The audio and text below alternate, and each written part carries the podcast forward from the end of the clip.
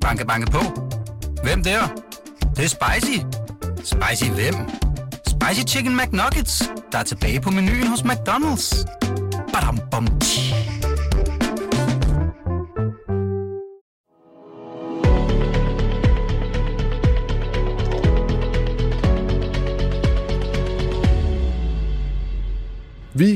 Bruger en stor del af vores tid på at skaffe dem og tjene dem, for når vi ikke har nok, så fyldes vi med bekymring, vi får stress og bliver ulykkelige, og når vi så har, når vi så har fået nok, altså rigtig mange penge, det har jeg i hvert fald hørt, så bliver man ikke nødvendigvis øh, lykkelig og får et bedre liv af den grund. Og derfor her i Jøvenvester, der smider vi det sidste tabu. Velkommen til Penge er noget, vi taler om. Banke, banke på. Hvem der? Det, er spicy. Spicy hvem? Spicy Chicken McNuggets, der er tilbage på menuen hos McDonald's. Badum, bom, tji.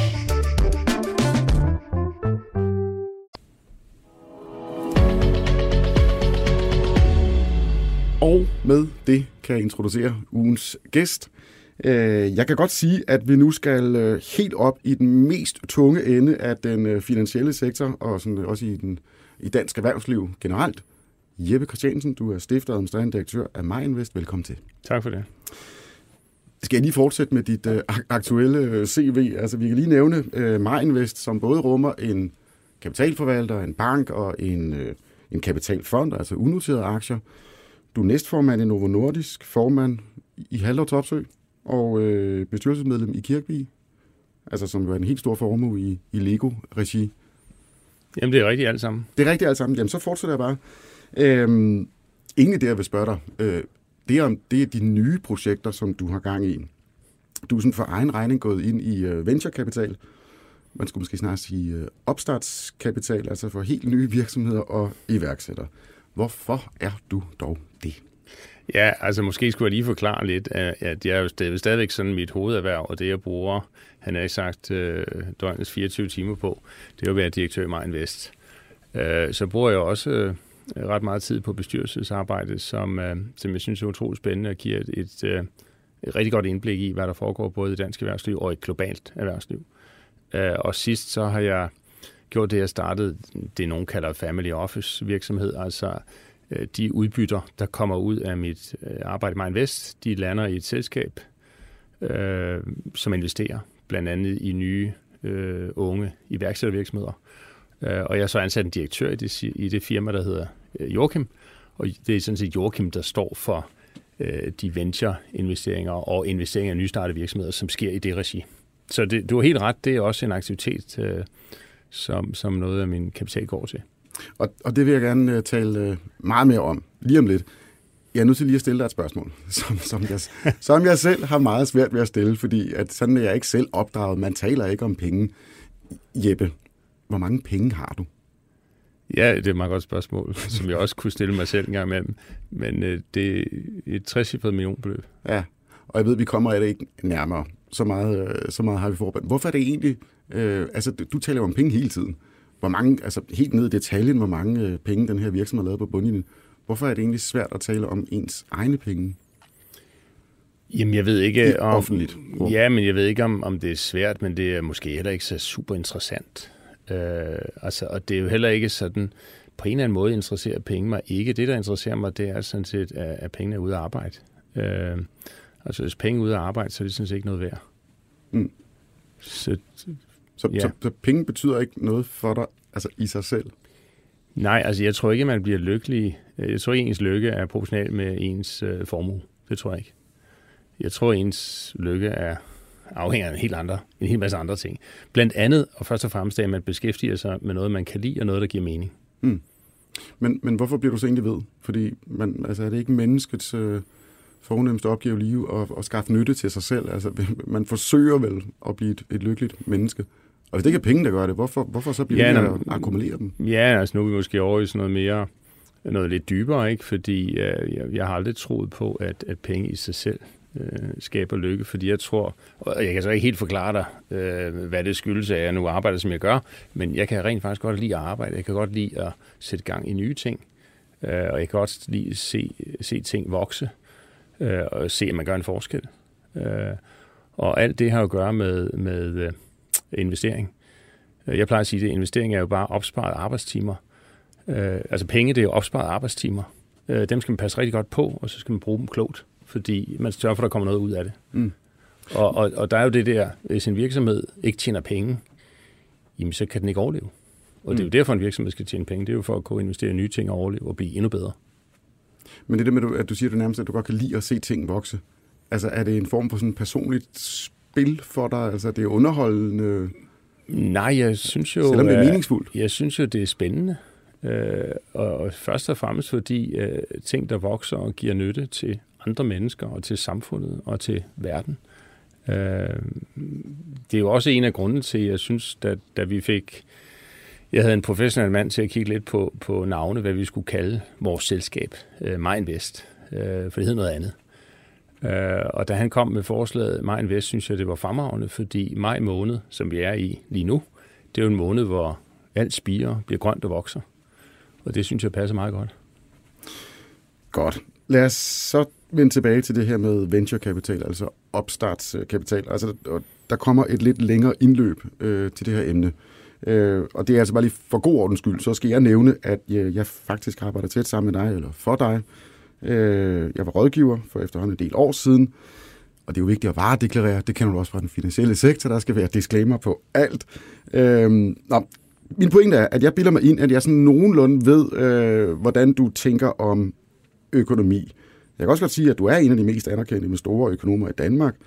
Altså, du har jo et indgående kendskab til økonomisk historie, børshistorie, økonomisk teori, statistik. Øh, du taler altid om fundamentals, altså der findes en form for tyngdekraft i det økonomiske system. Øh, og alt det, så det, det forsøger du så at koble til godt gammeldags øh, købmandskab. Så nu spørger jeg dig igen, hvad har alt det at gøre med Øh, venture capital, opstartskapital? Ja, ja. Jamen, det er et meget godt spørgsmål. Altså, jeg plejer at sige, at store virksomheder var jo også små en gang. Øh, så det starter jo, alt sammen starter med, at du etablerer en virksomhed. Og, øh, og jeg synes øh, på en eller anden måde, vi lever i en tid, hvor der sker brud med mange ting.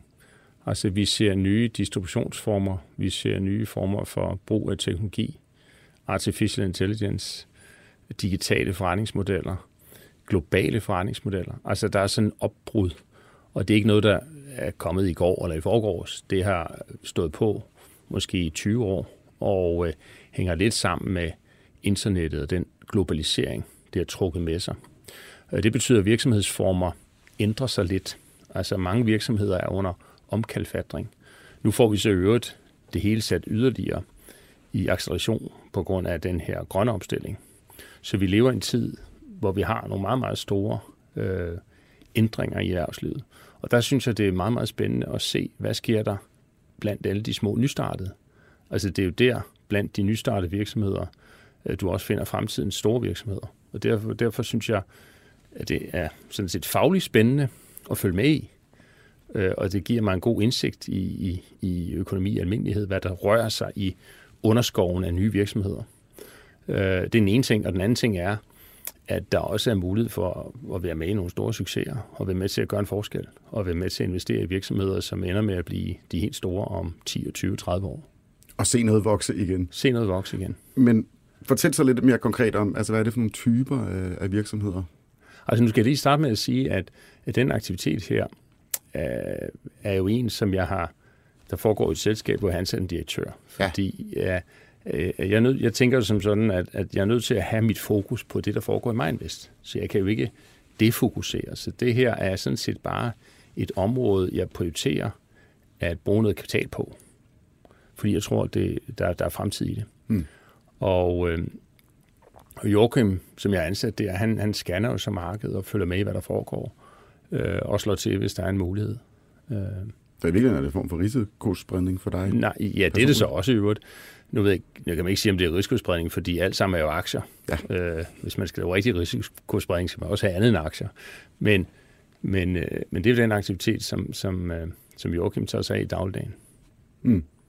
Men, men, men vil du fortælle lidt om, om de konkrete virksomheder? Altså, hvad det er? Altså, ja, altså eller når, det... når, du taler om innovation, altså, hvad er det så, du ser altså, udmynde sig mere konkret? Jamen, nu kan vi, nu kan vi tage en, en ting. Øh, jeg tror for et halvt års tid siden, øh, investerede vi, det vil sige, Joachim stod for det, i en virksomhed, som hedder Female Invest.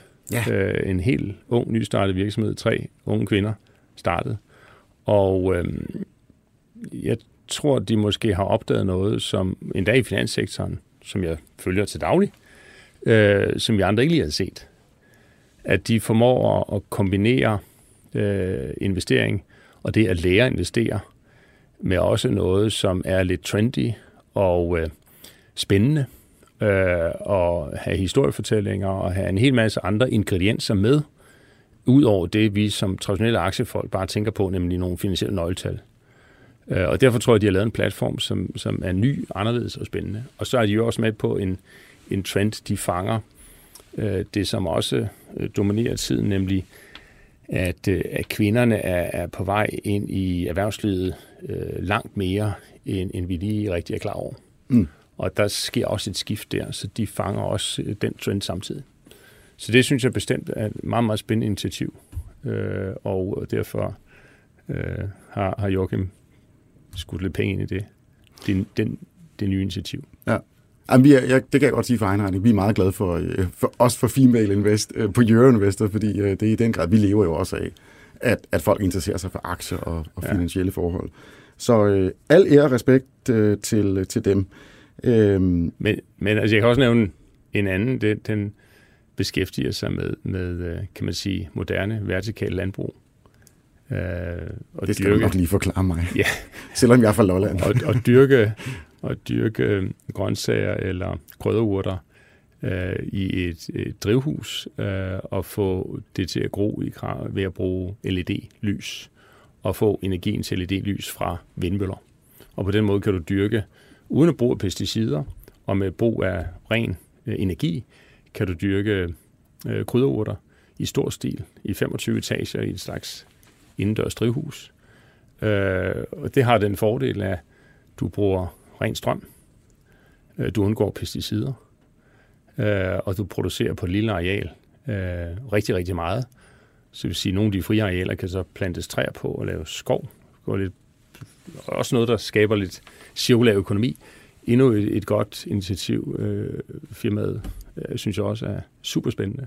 Øh, helt nystartet og selvfølgelig risikabelt, men men fanger en trend øh, i tiden, nemlig hvordan får vi produceret ting lokalt, så det ikke skal, krydderurter ikke skal flyves rundt i hele verden, men produceres lokalt med brug af ren energi og uden brug af pesticider. Så der er ligesom tre ting, øh, der går op i en, en enhed.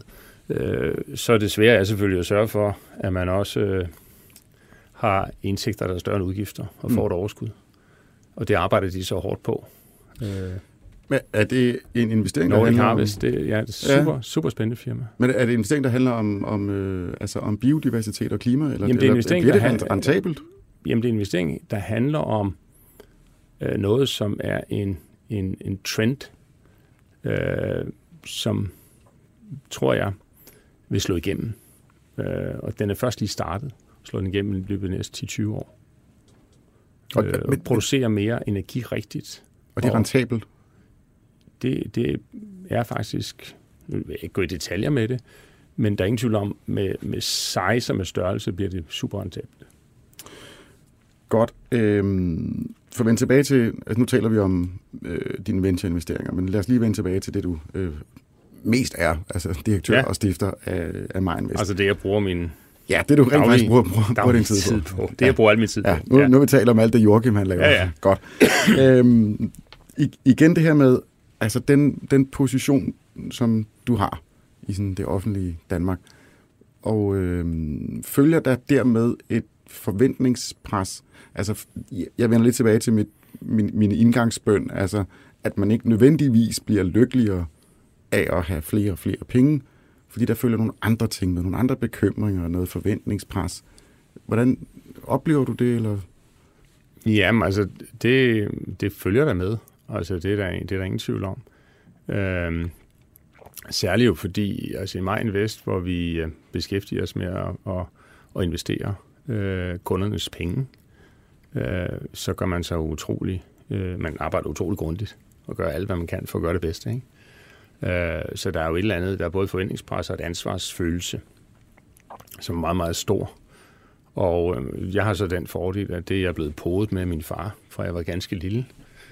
Øh, og det har den fordel, dels af, tror jeg, jeg er sådan relativt god til det, øh, men også at jeg øh, kan sove godt om natten, fordi jeg har en eller anden indgået følelse af, at hvis, øh, hvis man gør det så godt, man overhovedet kan, så man ikke forlange mere. Mm. Hvornår fandt du egentlig ud af det, hvis vi ser på dit, hele dit liv? Altså, at, at du faktisk, du, du er faktisk rigtig god til det her. Var der et særligt øjeblik, hvor du tænkte, det her det er den vej, jeg skal gå, for jeg kan faktisk få succes? Ja, altså... Uanset hvordan man måler det? Jeg vil sige, øh, altså, et eller andet sted er man jo altid usikker alligevel på, om man nu gør det godt nok. Altså, der gror jo altid en lille tvivl inde i ens hoved. Øh, har man ret i det, man siger? Øh, rammer man tingene rigtigt? Har man lavet en fejl? Øh, så man kan sige, at det hårde ved det er, at man jo grænsker sin hjerne konstant og søger efter, om der er noget, man har overset eller glemt. Øh, så på den måde kan man sige, øh, nu er ikke fordi jeg ligger søvnløs, men, men på den måde er man jo sådan lidt på arbejde hele tiden. Ikke? Og øh, altså selv havde jeg, jeg kan jo øh, sådan set øh, tidsfastsætte det lidt, fordi øh, da jeg var ung, begyndte jeg at dyrke en del sport og øh, løb meget. Og der opdagede jeg ligesom, at, at det var rigtig godt for mig at løbe. Ikke kun fordi det formentlig var sundt, og fordi jeg kunne lide at, at dyrke noget konkurrence, men også fordi jeg, jeg, når jeg trænede, så havde jeg ligesom en ro til at tænke mig om. Og når man træner meget, øh, så, så er man ikke mast undervejs, så kan man faktisk godt bruge hovedet, mens man løber sig en tur. Øh, og så kan man jo tænke over mange forskellige problemstillinger og få løst dem op i hovedet. Og jeg tror måske, det har en fordel, at man ikke altid skriver ting ned og så videre, men, men arbejder med det i sit hoved og prøver at få tingene til at hænge sammen. Og jeg opdagede ligesom, at jeg løste så mine opgaver inde på politstudiet, dem løste jeg, mens jeg løb en tur. Øh, og så behøvede jeg ikke skrive noget ned, så kunne jeg så skrive ned, når jeg kom hjem og var færdig. Og der fandt jeg ligesom ud af, at det var egentlig en meget god metode.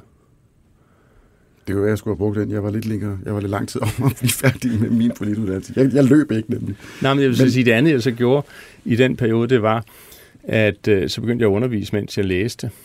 Øh, og det synes jeg var virkede rigtig godt, fordi når du underviser skal forklare andre noget, så tvinger du dig selv til at forstå tingene virkelig i dybden.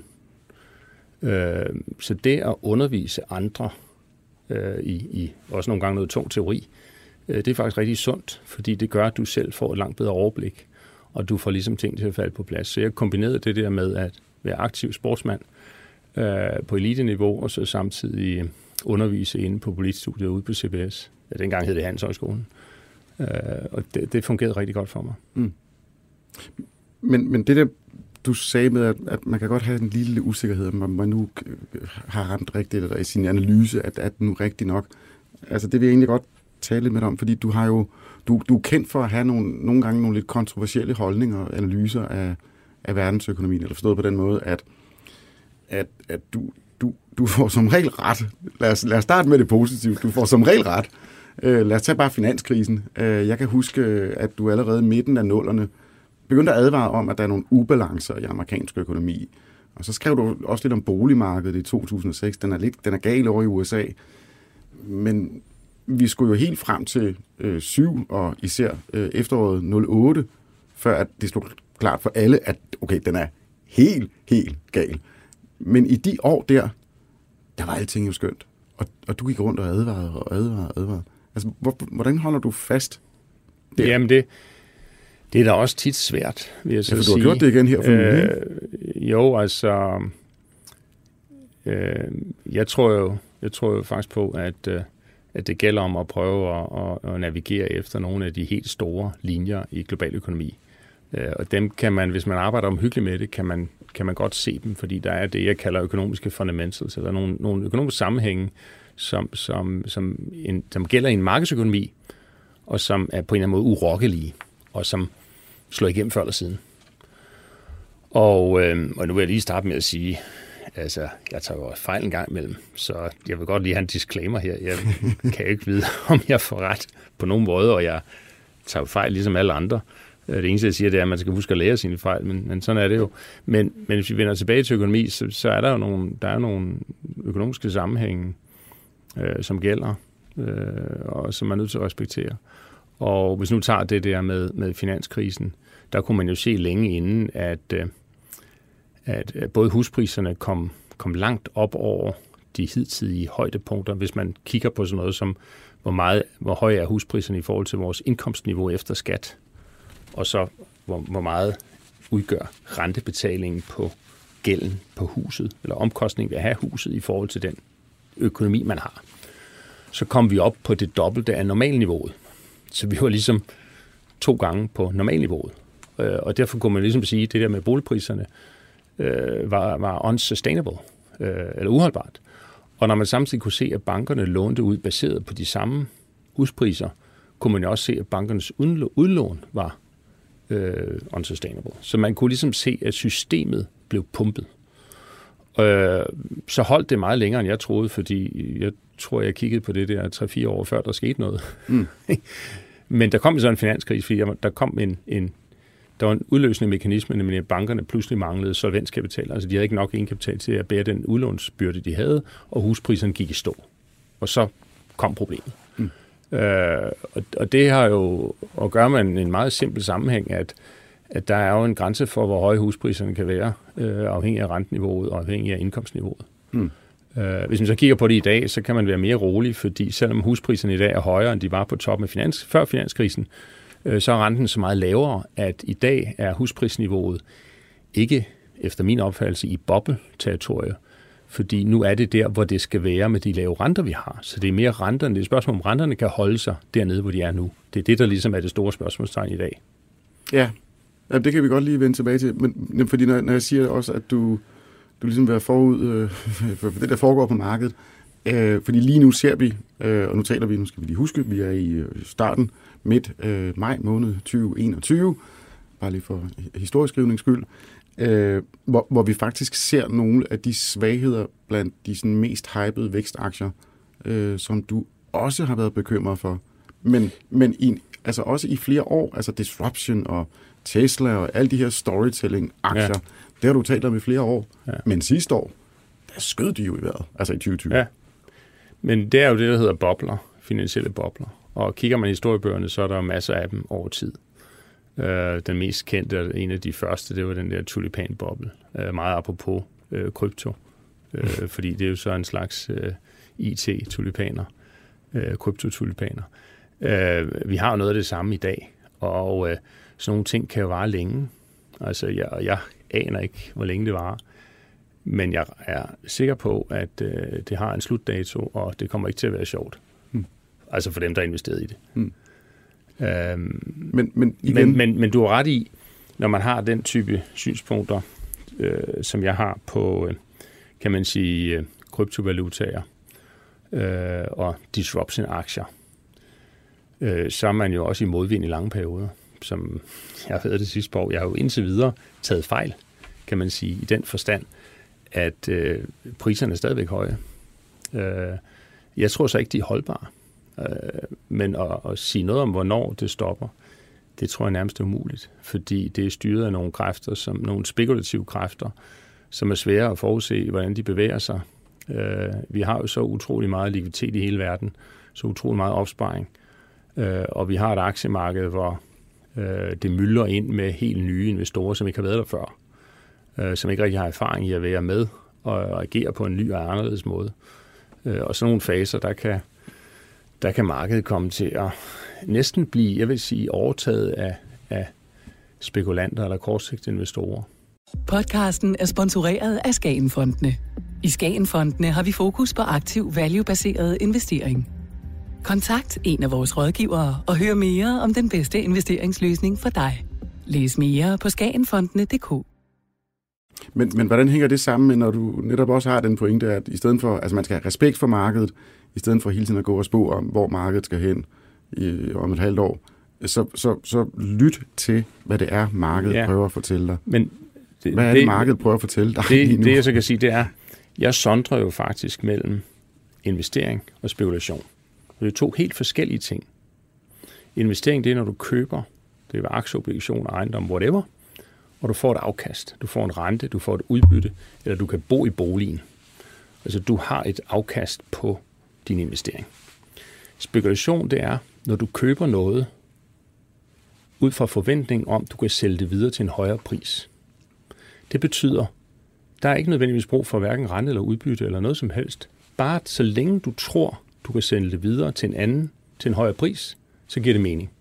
Og det er spekulation. Og det er to helt forskellige ting. Og man skal prøve at forstå, at det er meget forskelligt. Jeg ved og noget om investering. Jeg ved ikke rigtig noget med spekulation, fordi spekulative bølger, jeg ved ikke, om nogen ved noget om det, de er næsten uforudsigelige og stokastiske.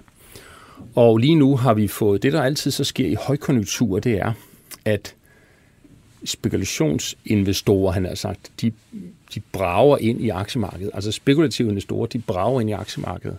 Øh, og så bliver aktiemarkedet fyldt ikke kun af langsigtede investorer, der placerer penge, men også af kortsigtede spekulative kræfter, som får overtaget og i perioder dominerer prisdannelsen. Og det, der gælder lige nu, har gældt et stykke tid i aktiemarkedet, er, at dele af aktiemarkedet har været domineret af spekulative bølger.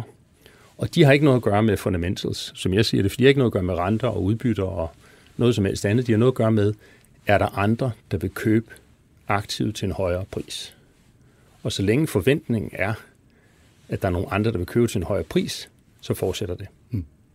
Og det, så længe vi er i en højkonjunktur, der brager opad, så vil spekulative bølger fylde meget. Og det er derfor, de fylder noget nu. Det er fordi, vi er i en højkonjunktur. Og nu får den ekstra tryk, fordi vi har den her øh, coronasituation, hvor man har skovlet penge ud i, i økonomien, øh, og den amerikanske økonomi brager der ud af øh, og trækker resten af verden med sig. Så, så det, vi har gang i her, øh, kan fortsætte øh, pænt stykke tid nu. Mm. Men nu, hvis vi taler kryptovaluta, jeg har også kommet til at sige, at, at det minder om, jeg er meget enig med dig, fordi altså, for mig, det minder om, det har karakter af pyramidespil. Øh, det her spekulative element, der er i det. Men så siger folk til mig jo, øh, det er jo ligesom guld. Er det ikke rigtigt? Jamen, så tror jeg, du skal spørge øh, nogle kvinder, for eksempel, om det er det samme. Men det er og som mig bekendt, så jo, kan man jo faktisk lave smykker af guld. Ja, ja altså guld kan rent faktisk bruges. Bruger. Ja, ja, men, men guld kan rent faktisk bruges til noget. Ikke? Øh, men nu, jeg har ikke nogen sådan holdning til, øh, til kryptovaluta på den måde, fordi øh, det, det som øh, jeg har lært mig, er, at teknologien bag, øh, blockchain-teknologien, er jo god nok, og formentlig øh, en af fremtidens teknologier. Øh, men det er jo ikke det samme som, at bitcoin er noget værd. Altså, øh, teknologien er god nok, men, men, men hvilken, hvilken øh, hvad hedder det, valuta vil vi bruge i fremtiden, hvilket betalingsmiddel vil vi bruge i fremtiden, der tror jeg, man vil se det, som, som man har set historisk, at de enkelte lande og stater, centralbanker, de vil gerne bestemme, hvad det er, der er valutaen i et land, eller møntfoden, eller betalingsmidlet. Mm. Og det vil de gerne, fordi ellers kan de ikke føre pengepolitik. Og hvis ikke man kan føre pengepolitik, så, så får man meget svært ved at føre økonomisk politik sådan for en regering og for et land. Øh, og derfor så er vi ude i noget, som ja, man ikke kan afvise, men så er vi lidt mere ude i sådan noget som globalt anarki. Øh, hvis, hvis alle, han har sagt, nu er vi meget langt fremme, øh, ting går i den retning, jamen, så kan det godt være, at, at bitcoin får en, får en anvendelse. I don't know. Nej, det var også et tidsspring. Det ja, ja. Ikke det her, det her, Nå, nej, men det er et, et, et, vigtigt, det er et vigtigt punkt, fordi det fylder meget. Absolut. Tiden. Det fylder absolut. meget tiden. Ja. Øh, men jeg tror i det øjeblik, at du øh, får centralbanker, der udsteder kryptovalutaer, krypto renminbi i Kina eller kryptodollar, øh, så vil man nok hellere bruge det som betalingsmiddel. Frem for Dogecoin og Bitcoin og ja. hvad det alle sammen hedder. Jeg, jeg synes, det virker bizart, det der med Dogecoin. Uh, og jeg må sige, jeg synes, det virker bizart, at man har en, en, en en dygtig mand som Elon Musk, der render rundt og laver den type ting. Altså han burde holde sig til at lave nogle, nogle øh, gode biler, som han, vi ved, han kan lave, og så øh, bruge tiden på det, i stedet for at rende rundt med alle de andre mærkelige projekter. Mm. Han er svær at, at gennemføre. Ja, ja, men det, ja. Okay. det må de jo selv om. Så det. Godt. Nu, nu ja, kære lytter, jeg ved, I elsker at høre om, om Tesla og Elon Musk og kryptovaluta, men nu, nu bliver det faktisk lidt mere kedeligt. Øh, fordi det helt store emne øh, på, øh, på markedet og i, blandt økonomer her i 2021, det er det her kedelige ord, inflation, og hvis man er øh, under 30-40 år, så aner man ikke, øh, hvad det er for noget, men det er jo dybest set bare prisstigninger ude i øh, samfundet.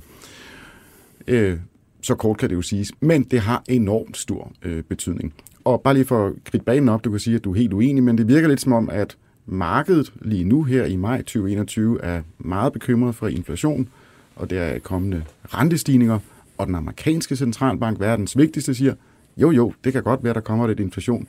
Det skal vi ikke bekymre os om, fordi det er bare midlertidigt. Er det ikke sådan nogenlunde den debat, der kører? Jo, det tror jeg sådan. Og, og hvor står du egentlig henne? Hvad, hvad, hvad tænker du, og hvor, hvor stort bliver det her? Jamen, der er ligesom, i det er der noget kortsigtet og langsigtet. Hvis man lige starter med historien, så, så er der mange af os, der har, i hvert fald jeg, oplevet 70'erne øh, og den højinflationsperiode, vi havde der. Øh, og der kom man sådan ligesom til at tro, at, at der var altid inflation, og man kunne ikke rigtig komme af med det. Øh, så skete det rent faktisk det, at, øh, at man fik bugt med inflationen, blandt andet takket være øh, pengepolitikken, der blev ført i USA, fik man knækket inflationen, og vi har haft sådan en, i hvert fald mere end 10 år, hvor, hvor der stort set ikke har været noget inflation. Hvis man kigger i historiebøgerne, så er det sådan, at der i over en to år, 200-årig periode, der er to tredjedel af tiden, har der været nul inflation eller deflation, og en tredjedel af tiden har der været inflation. Så inflation er faktisk mere sjælden end ikke-inflation, sådan historisk. Hvis vi kigger fremad her, så står vi over for, at vi får noget inflation her øh, i år og næste år, alene på grund af det boom, der er i gang sat på grund af hjælpepakkerne. Altså der er jo et kæmpe efterspørgselspres overalt i USA, øh, i Fjernøsten og på vej mod Europa. Så vi står over for en stigning i inflationen fra, at den har ligget mellem 0 og 1 procent, eller altså Europa og USA har haft lidt forskel, den har været lavere i Europa end USA, men fred med det. Men den, den kommer nok op nærmere i, i retning af 3, måske 4 procent, sådan på den korte bane. Alene den grund, fordi vi får gang i økonomien. Øh, og det tror jeg, man kan tage helt roligt, fordi øh, når det så flader ud om nogle år, så er man ligesom tilbage i det gamle regime. Skulle man lige tro. Men der kommer så ind, og det er derfor, jeg måske også på, den, på lidt længere sigt er lidt mere øh, forsigtig med, med at udtale mig for firkantet om, om, at de lave renter bliver ved forever, fordi det ser ud som om nogle af de kræfter, der har holdt inflationen nede i masser af år nu, holder op med at virke. Altså vi har en, en to-tre ting, der konsekvent har holdt inflationen nede. Og det ene har været outsourcing til Kina eller lavlønslande af produktion. Vi har flyttet produktionen ud, hvor den er meget billigere. Og det har i masser af år i træk holdt inflationen nede, fordi vi hele tiden flyttet mere og mere og mere den vej. Det holder snart op. Altså, vi kan ikke længere outsource mere. Det er gjort. Og tværtimod får vi den anden faktor ind, som hedder demografien, nemlig at vi bliver ældre og ældre, og arbejdsstyrken øh, i Europa falder, og arbejdsstyrken i Kina falder. Så demografien over alt i verden peger mod, at der ikke der er ikke sådan en over, øh, et overudbud af arbejdskraft. Altså der er faktisk mere pres på arbejdsmarkedet i de kommende år. Øh, det er ligesom den anden faktor. Og den tredje faktor, det er så råvaresituationen, hvor det forhold, at vi skal ud af den fossile energi over i en grøn energi, det betyder, at hele energisektoren skal omkalfatres, og øh, ikke alene skal der produceres øh, elektricitet øh, i et omfang, vi slet ikke er klar over, fordi it's only just begun. Altså vindmølle, øh, elektricitet og, og sol elektricitet udgør jo stadigvæk kun en brøkdel af verdens øh, energiforbrug. Så hvis vi skal konvertere over til elektricitet sådan i stort omfang, hvad vi jo skal, og videre fra elektricitet over til brint, metanol, ammoniak via meget store investeringsanlæg, så skal der bruges ufattelige mængder råvarer. Så jeg tror, vi kommer til at gå fra øh, en situation, hvor råvarerne har været under, altså har holdt, øh, været haft øh, lave priser eller faldende priser i, i masser af år, øh, så, så får vi konsekvent og konstant stigende råvarepriser, særligt metaller, særligt mm. kover, særligt alt det, der indgår i, i den elektriske øh, infrastruktur. Øh, og derfor kan vi godt få et meget stort pres fra råvaresiden. Så vi har både pres for demografien, og for råvarerne, og, og for det forhold af udflytningen af produktionen ikke længere. Den er, den, er den effekt. Den, er, den effekt er, ud, den er brugt op. Ja. Øhm, jeg får bare lige spørge dig, fordi Nationalbanken har jo nogle analyser peget på, at, at det her, vi er jo inde på det her med den naturlige real rente, som, som, øh, altså, som er meget påvirket af demografien, øh, hvor de jo så siger, jamen fordi vi bliver ældre og ældre, så skal vi spare mere og mere op, og det betyder, at opsparingsbehovet er større end det, man kan ja, investere i, ja. og så får vi faldende renter, ja. altså forventet altså, afkast i fremtiden. Hvis vi lige hvis vi tænker over renten, som, som, han, som har to bestanddele, det ene er inflationen, og så er der en realrente, som er, bliver lagt ovenpå, altså den mere pris, man skal have for at ville spare op. Mm. Inflationen, der er de tre kræfter, jeg nævnte, som peger opad. Og det vil sige, at forestille sig, at inflationen bliver ved med at være 0 eller 1, det er næsten utænkeligt. Den er nærmere 2, 3 eller 4 på sigt. Og realrenten, den bliver nok ved med at være lav, eller 0, tror jeg. Fordi den er styret af den store opsparing, der er i verden. Og den ser ud til at fortsætte. Og den øvrigt også fortsætter på grund af demografien. Vi sparer meget op. Vi laver pensionssystemer, pensionsordninger, kanaliserer penge ind i pensionssystemer. Så der er et nedadgående pres på den, og det bliver ved med at være der. Så hvis sådan man skal tale om, om renteniveauet som sådan, så er det, øh, så er det først og fremmest inflationen, der er, er den, den øh, store faktor de næste 10-20 år. Og, og jeg vil tro, at, at, øh, at vi godt på sigt øh, får, får øh, rentestigninger. Så det er ikke kun på kort sigt, også på længere sigt, vi får rentestigninger. Men altså, jeg, det er ikke fordi, jeg tror, vi kommer få sådan noget, som vi havde i 70'erne overhovedet. Nej, for du taler ikke om lønprisspiral? Nej, nej, jeg, jeg tror ikke, der kommer sådan en lønprisspiral. Okay. Men, men, øh, men vi får bare øh, mere inflation end det, vi har vendet os til. Øh, og derfor får vi nok også nogle renter, der er lidt højere, end, end de har været nu her de sidste fem år. Godt, så får du et simpelt spørgsmål. Hvad skal vi gøre ved det? Hvordan skal man så investere pengene? Jamen altså, det er årsagen til, at jeg stadigvæk tror, at det er godt at være investeret solidt i aktiemarkedet. Øh, men ikke i alle dele af aktiemarkedet. Der, der er stadigvæk meget sunde dele af aktiemarkedet, øh, som man roligt kan investere i. Øh, så det er meget simpelt. Du må godt sige value-aktier. Ja, der er jeg jo lidt biased. Ikke? Fordi, du er meget biased. Lad os bare se det i øjnene. Jeg ved godt, de har en vækstfond, men altså mig Invest er jo kendt ja, for det store ja, vi har, jo, vi har jo faktisk en, en vækstfond, som gør det usædvanligt godt. Ja. Jeg tror sidste år, det er heller ikke i tvivl om. Blev den nummer et. okay, godt. Nå, nu skal der ikke stå og være nogen reklame for, for Mindvest. Øhm, nå, men jeg vil bare runde øh, den her snak af, fordi se, det vi har talt om nu, det, nu kender jeg dig igen, ikke? Øhm, bare lige for runde af til allersidst, fordi at der er noget, som også øh, er nyt for mig i, i det seneste år. Øh, det er den måde, som du øh, blander dig i den offentlige debat på. Jeg har aldrig set dig være så aktiv og, og have så markante altså politiske holdninger, holdninger til især corona og lockdown, ikke lockdown og metoder, man bruger undervejs, og hvordan man kommunikerer. Du har mildt talt været meget øh, regeringskritisk undervejs i de her seneste års tid.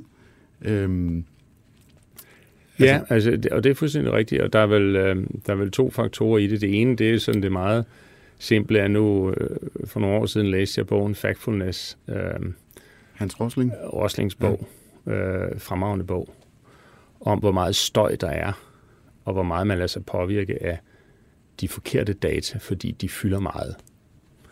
Og hvor vigtigt det er at lægge til grund de rigtige data, dem, der ligger nede bagved, når man analyserer tingene grundigt. Det er ligesom den ene ting, og det har kureret mig en lille smule mod breaking news, og det har kureret mig en lille smule for de her meget hurtige politiske konklusioner, som vi nogle gange ser, baseret på, at politikere skal svare på, inden for 10 sekunder skal de svare på, hvad de vil gøre ved et eller andet fænomen, der opstod i går. Øh, og det synes jeg er en fare i hvor, den tid, vi er i. Men det er ligesom en ting. Den anden ting, og det er måske nok den vigtigste i den her sammenhæng, det er det forhold, at øh, jeg synes, nogle af de grundpiller, hele vores samfund bygger på, er sådan lidt under angreb. Øh, altså jeg synes jo, jeg er jo til dem, der synes, grundloven er ret vigtig. Øh, og man kan ikke bare lige sige, hov, øh, nå, øh, øh, det var ikke så godt, så må vi se at få det besluttet rigtigt, fordi alle, vi ved jo godt, at alle vil gøre det her. Nej, når der er en grundlov, så holder man den. Man holder den hver dag, hele tiden, hele året, hvert år. Øh, og det er ret alvorligt, hvis man bryder den. Det er også alvorligt, hvordan vi behandler vores børn og vores statsborgere.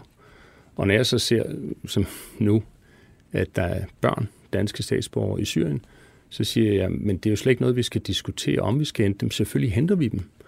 Og hvis der følger mødre og fædre med, eller hvad, så følger de med. Øh, arvesynden, den forlod vi for mange år siden. Det var sådan noget, man havde i middelalderen. Øh, og jeg synes, det er ret vigtigt at stå fast omkring nogle af de helt grundlæggende værdiprincipper, vi har i vores samfund. Øh, børn passer vi på, danske statsborgere passer vi på, grundloven holder vi, osv. osv. Der er nogle, jeg vil kalde det fundamentals. Der er nogle værdier her, som er ukrænkelige, og som vi skal stå fast på. Og der synes jeg nogle gange, øh, når jeg ser sådan den politiske debat, og det er ikke sådan partipolitisk ment, så synes jeg nogle gange, man lader tingene skride alt for meget. Mm. Men, men det er jo en meget giftig debat, du går ind i. Altså, vi har jo, altså lad os bare se det i øjnene, at vi har en regering, som er, øh, altså får massiv opbakning øh, fra danske vælgere. Og så er det bare, jeg, jeg spørger dig bare, det er ikke fordi, du skal stå ved politisk analytiker. Nej, nej. Men, men så tænker jeg bare igen, altså din position, du, du, du, du har det her generelle blad med alle de her tillidsposter i toppen af dansk erhvervsliv, og man ser ikke så mange andre topchefer i den Nej, kaliber blande sig. Men, men jeg vil sige, jeg har jo meget, meget stor respekt for politikere, og synes jo, at de gør det fremragende. Så jeg har den største respekt for både regeringen og Folketinget og alle politikere. Men det hindrer jo ikke, at, at jeg også har nogle standpunkter, som kan være anderledes end dem, som, som forfægtes af, en regering og en position. Øh, jeg synes jo, man, man, en, det er en borgerpligt øh, at sige til. Øh, det er en del af demokratiet, øh, hvis der er noget, man er uenig i. Øh, og så synes jeg særligt, det er vigtigt med de her ting, som, som sådan vil jeg kalde det, øh, værdipolitiske. Det tror jeg simpelthen bliver det, det sidste ord i, i den her runde. Vi kom jo øh, vi kom vidt omkring, både fra Dogecoins, Elon Musk, og så til coronasituationen, og så til øh, inflationen. Og øh, Jeppe Christiansen vil bare øh, sige tusind tak. Øh, ikke kun fordi du blander dig i den offentlige debat, men tusind tak, fordi du var med her i øh, Penge er noget, vi taler om. Det var en fornøjelse. Tak.